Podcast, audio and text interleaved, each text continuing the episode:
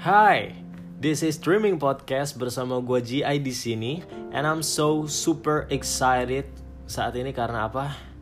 Karena gue bisa diberi kesempatan lagi untuk menemani waktu luang kalian, untuk menemani kalian kita ngobrol-ngobrol bareng, kita cerita, kita sharing-sharing lagi di streaming podcast pastinya di episode kali ini adalah stoikisme by overthinking. Wow, stoikisme artinya apa? Kita akan bahas stoikisme setelah gue membuat podcast tentang overthinking sampai dua part loh itu ya karena kemarin uh, gue kurang puas aja gitu ngebahas kalau satu part ya. Jadi gue buat dua part sampai part 2 gitu overthinkingnya.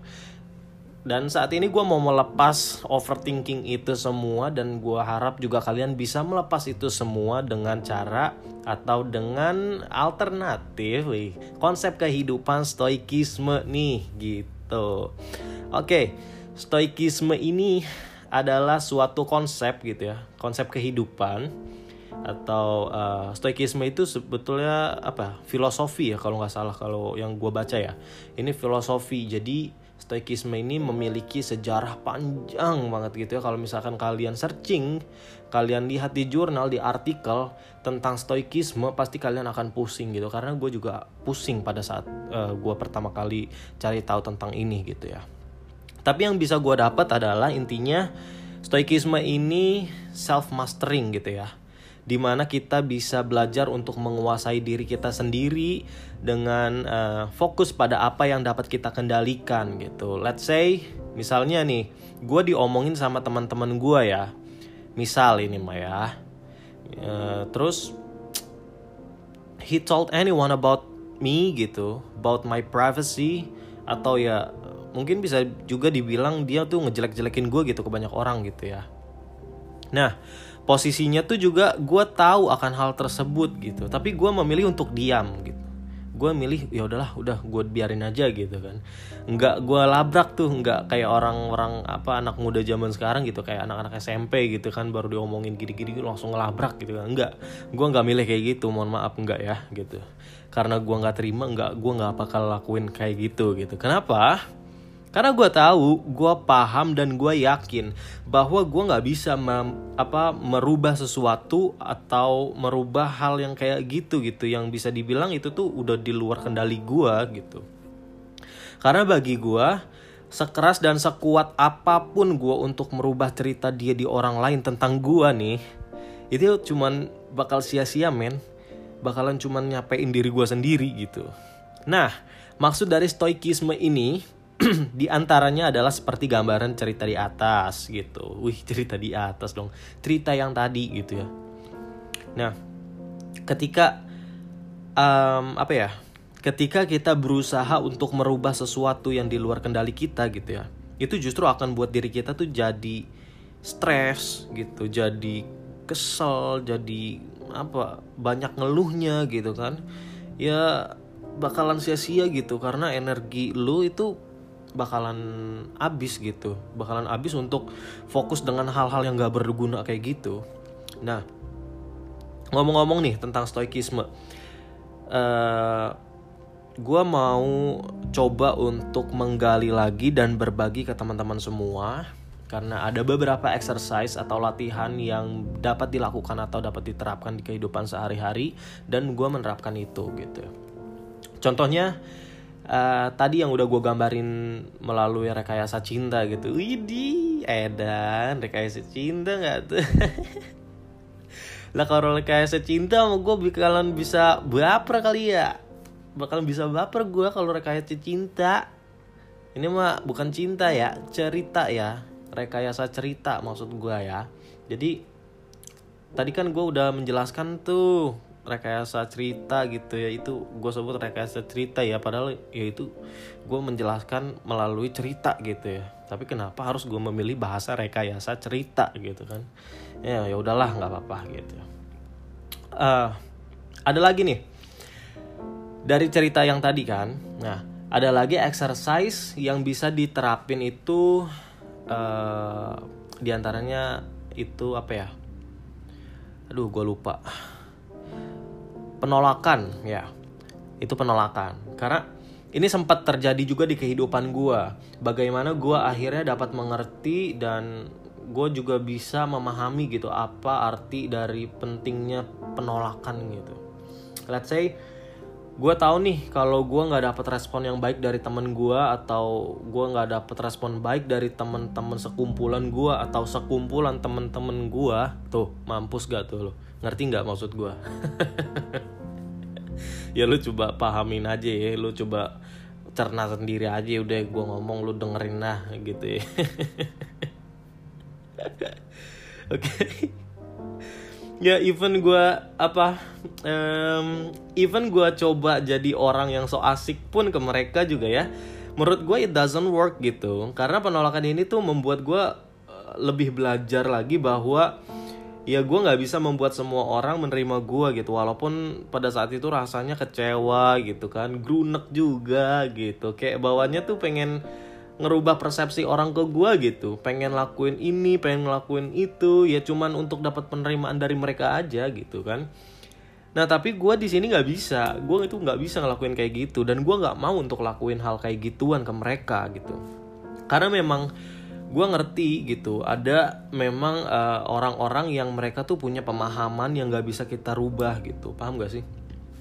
Jadi uh, mereka tuh punya pemahaman sendiri gitu punya perspektif perspektif sendiri yang emang yang gak, yang benar-benar udah nggak bisa gua rubah gitu yang nggak bisa kita rubah gitu tentang diri kita atau apa pun itu gitu. Dan dia tuh cenderung akan nggak bisa apa ya nggak uh, bisa kita ajak diskusi gitu. Dan sebetulnya orang yang kayak gitu juga nggak perlu kita ajak diskusi sih menurut gua ya. Karena percaya deh sama gua ya jangan pernah sekali-kali lu berdebat sama orang yang gak bisa diajak diskusi. Tuh, kenapa men? Capek asli capek gue capek gitu. Kalau kata Keanu ya capek gue gitu capek sumpah anjing. Buang-buang energi doang kalau kata gue jadi ibarat kata ya mohon maaf nih kita kudu nyebut nih ya jadinya kan. Ibarat kata yang waras aja yang ngalah gitu tuh. Hmm tahu kan tuh kata orang dulu begitu yang waras aja yang ngalah gitu. Nah hal kayak gini itu dalam stoikisme juga disebut dengan uh, mengubah persepsi dalam pikiran kita sendiri gitu even dalam perasaan atau pikiran kita sendiri gitu ya. Dan praktisnya itu untuk bisa mengubah persepsi ini ya cukup lu dengan ngelihat dari sudut pandang yang berbeda aja di setiap kejadian atau setiap momen gitu. Contoh deh dari gambaran yang udah gue omongin tadi tentang penolakan ya. Di saat kita mendapat penolakan nih dari orang lain kalau kita mau mengubah persepsi di diri kita ya tinggal lo set your mind as well aja gitu. Kayak lu cukup punya mindset yang bagus aja di diri lu gitu. Semacam kayak lu juga bisa ngomong ke diri sendiri gitu. Dan gue juga sering mempraktekkan ini gitu. Gue sering ngomong ke diri gue sendiri kayak oke okay, nggak apa-apa. Aku ngerti dan aku sadar gitu. Aku ditolak gitu. Gue sering ngomong kayak gitu. Kayak gue ngerti gue nggak apa-apa deh. Nggak apa-apa gue gue ditolak gitu. Gue juga sadar gitu. Dan gue sadar gue ngerti gue nggak diterima dan nggak di, diperlakukan dengan baik sama mereka gitu tapi ya mungkin ini cara gue untuk belajar menerima penolakan dari orang lain gitu kan. Atau mungkin juga setelah ini gue bakalan ketemu gitu sama orang-orang yang bisa menerima gue gitu. Dan mungkin bisa juga uh, eh, gue bakalan bisa jadi bertumbuh atau improve diri gue sendiri dari apa yang orang lain tolak dan gue bisa perbaiki itu semua gitu. Dan bener-bener itu worth it banget. Setelah gue menerapkan itu gue sering berbicara dengan diri gue sendiri walaupun gue sering dianggap bego blow on atau uh, gila gitu ya mungkin sama orang-orang karena kar karena mungkin orang-orang yang ada di jalanan gitu. Karena gue sering bawa motor gue sering teriak-teriak dan ngomong sendiri gitu. Mungkin orang-orang di jalanan dan orang-orang yang lewat di samping gue mungkin mikir gue orang gila bisa bawa motor gitu ya.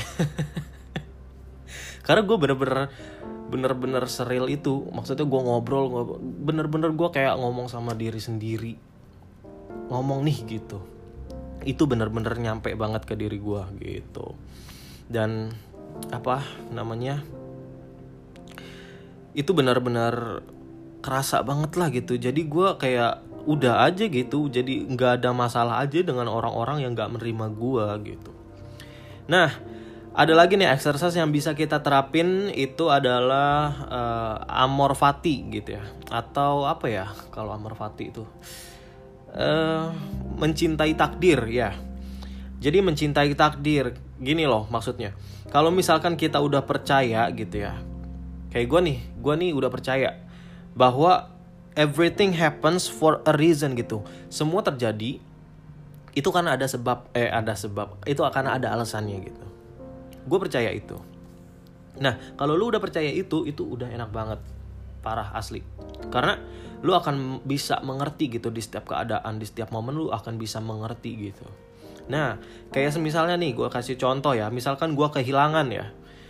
Uh, atau lebih spesifik deh gue kehilangan uh, apa ya? Gue kehilangan doi mungkin. Gue ditinggal doi gitu ya atau bahasa gaulnya mah katanya di ghosting gitu kan ya. Buset gitu di ghosting gue kayak JB gitu ya, Justin Bieber ya kayak bahasa gaulnya di ghosting misalnya gue nih.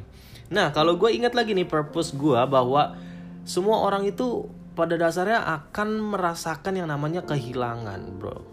Jadi gue inget itu gitu. Ya bukan cuman gue gitu. Orang lain juga akan merasakan namanya kehilangan. Dan kalaupun gue belum merasakan kehilangan suatu saat nanti gue akan merasakan kehilangan gitu. Karena apa? Karena ini adalah bagian dari takdir yang gue yang yang gue nggak bisa kendaliin dan nggak bisa gue rubah gitu nah Ingat lagi juga nih, sekeras apa pun lo mencintai dia, kalau dianya nggak cinta juga sama lo, ya lu jangan tahan-tahan dia kalau dia mau pergi gitu. Kalau dia mau ninggalin lu ya lu udah biarin aja gitu. Karena lu harus ingat omongan gue ya dan lu percaya deh sama gue. Selama lu melakukan kebaikan ya, selama lu masih melakukan kebaikan nih, mau lu dijahatin kayak gimana juga, mau lu dijahatin kayak apa macemnya juga ya. Ujung-ujungnya juga lu bakal ditemuin sama orang yang baik juga. Percaya dah sama gue gitu. Jadi selagi lu melakukan kebaikan dan pasangan lu meninggalkan lu begitu saja ya sudah ikhlaskan saja. Jangan kau menangis seperti itu besti tidak ada gunanya gitu. Karena mungkin Tuhan menakdirkan itu gitu untuk dia meninggalkan kita. Karena bisa jadi dia itu bukan jawaban dari doa tiap sepertiga malam kita gitu. Gitu kan? Jadi ya bisa jadi dia tuh jahat. Uh, bukan jahat. Bisa jadi dia itu nggak baik untuk kita gitu. Jadi mungkin Tuhan ingin mengirim mengirimkan bidadari. Edi Anji kali kan. Ingin mengirimkan seseorang yang lebih baik lagi dari dia untuk kita gitu. Ya asalkan lu masih dalam koridor gitu dan masih melakukan kebaikan gitu dengan orang-orang gitu kan. Ya insya Allah deh lo bakalan ditemuin juga sama orang baik gitu. Nah, amor fati ini juga bisa membuat kita lebih mencintai dan mengerti ya atau memahami nih apa yang sudah memang uh, udah terjadi gitu ya. Dan mungkin kalau misalkan sudah sadar gitu, ya itu takdir gitu yang gak bisa lu rubah gitu. Jadi amor fati ini menyadarkan kita lah gitu, menyadarkan kita bahwa nih loh takdir gitu. Lu nggak bisa rubah ini, lu nggak bisa protes gitu. Gitu. Nah, jadi sebetulnya konsep stoikisme ini betul-betul relate banget ya sama kehidupan kita dan uh, mungkin kalau misalkan kalian uh, pelajari ini benar-benar akan sangat bermanfaat juga untuk kita kita nih para manusia yang stress inside, fresh outside gitu ya. Lu tahu nggak sih itu kayak slogan slogan minuman bervitamin gitu ya. gue selalu ngakak aja gitu kalau misalkan inget diri gue stress inside fresh outside oh my gosh gitu itu dari gue yang dulu men. Dari gue sekarang happy bener-bener happy gitu kan. Gue aduh udah deh gitu deh pokoknya. Lu nggak usah tahu cukup gue aja yang tahu. Oke, jadi setelah gue merapkan konsep stoikisme ini atau stoikism gitu ya bahasa Inggrisnya mungkin ya. Iya, stoikism. Ini udah kurang lebih terhitung sebulan mungkin ya. Sebulan dan gue merasa lebih damai aja gitu. Lebih bisa kontrol diri gitu kan. Bisa kontrol emosi gue gitu. Dan pikiran gue lah intinya juga. But to be honest ya gue masih suka juga sih kecolongan gitu dalam menguasai diri sendiri gitu. Tapi setelah gue inget dan gue uh, paham lagi gitu oh iya stoikisme stoikisme gitu. Gue langsung terang-terang gitu stoikisme gitu. Ya udah gue jadi berusaha lebih stoik lagi gitu. Jadi orang yang stoik ya sih ke jadi orang stoik tuh gue juga masih bingung sih harus seperti apa gitu kan. Tapi gue akan terus belajar gitu kan. Gue akan terus improve diri gue supaya gue jadi orang yang lebih stoik. Tapi bohong. Ya tapi itu semoga aja bisa gue lakuin gitu kan. Itu harapan gue kok. Bukan gue bukan apa namanya bukan gue menyombongkan diri. Enggak enggak enggak enggak enggak enggak begitu enggak oke. okay. Mungkin itu sih beberapa exercise yang bisa diterapin atau lebih tepatnya ya gue yang menerapkan itu ya gitu. Tapi setelah gue uh, mengenal stoikisme nih banyak banget perubahan yang yang yang gue rasakan di dalam diri gue ya. Bener-bener bermanfaat banget untuk diri gue jadi hmm, mungkin banyak banget ya sebetulnya kalau misalkan gue mau bales eh mau bales mau gue ulas lengkap gitu ulas lebih lengkap review lebih lengkap tentang stoikisme gitu ya. Bakalan banyak banget mungkin berpart-part juga gitu tapi gue bakalan bahas itu entaran aja deh kalau emang lo pada pengen gue ngebahas ini lebih lanjut gitu. Ya mungkin bakalan gue bahas lagi gitu sampai part 2, part 3, part 4, part 5 atau part berapapun gitu kan asalkan lo mau dengerin nih podcast gitu kan ya nanti itu Maya nanti mungkin akan terpikirkan lagi setelah gue ingin merecord podcast ini gitu ya. But anyway, sebetulnya membahas stoikisme ini adalah request dari teman baik gue. She's nice to me and very supporting me everything, everywhere and setiap apa pun yang gue lakuin kayaknya ya, gue ngerasanya seperti itu. um, yeah, and I'd like to say thanks to you. But if you listening this episode, of course. So you must listen this episode quickly? Okay? Jadi kalau misalkan lu nggak denger nih episode ya gue nggak bakalan berterima kasih ke lu gitu dan gue juga nggak bak dan lu juga nggak bakalan denger gue berterima kasih ke lu gitu kan berarti ya gitulah pokoknya and I'm glad to know uh, stoicism yang mana sebelumnya gue nggak tahu nih ada konsep kehidupan yang seperti ini gitu. Ternyata wow I'm super excited banget nih gue bisa tahu dan bisa mempelajari konsep kehidupan stoikisme itu seperti apa gitu dan gue bisa menerapkannya gitu. Gue super excited banget dan so ya yeah, hope you enjoy and like this episode. Jangan pernah bosen dan mm, gue nggak bakalan gak gue nggak bakalan gini gue nggak bakalan maksa lu atau meminta lu lu pada gitu ya, untuk uh, curhat atau cerita atau request gue request untuk podcast ini gitu melalui DM karena bagi gue setelah gue mempelajari ini gitu ya bagi gue itu adalah suatu hal yang tidak bisa gue kendalikan gitu. Walaupun meminta itu sebuah uh, suatu hal yang wajar gitu meminta itu suatu hal yang wajar dan akhirnya gue eh, terpikirkan lagi bahwa ini adalah suatu hal yang tidak bisa gue kendalikan gitu gue nggak bisa memaksa lo gitu. Tapi kalau misalkan lo mau ya gue very welcome banget gitu. Gue masih terbuka banget di direct message ya. Tapi ya gitu intinya gitu ya. Lo ngerti kan paham kan maksud gue nah dan uh, thank you udah dengerin streaming podcast di episode stoikisme by overthinking. Hmm, gue benci banget sama overthinking ya dan wah luar biasa loh. Kalian mendengarkan podcast ini sampai habis loh. Sampai mau habis. Luar biasa. Gue tepuk tangan dulu buat kalian. I really appreciate you guys. Thank you so much. And ya udah gitu deh. Pokoknya kita bertemu lagi di uh, episode selanjutnya di lain episode. Semoga kalian selalu berkenan untuk mendengarkan streaming podcast dan kalian selalu mensupport gue asik yeah and i love you guys. I love you so much and see you. Dadah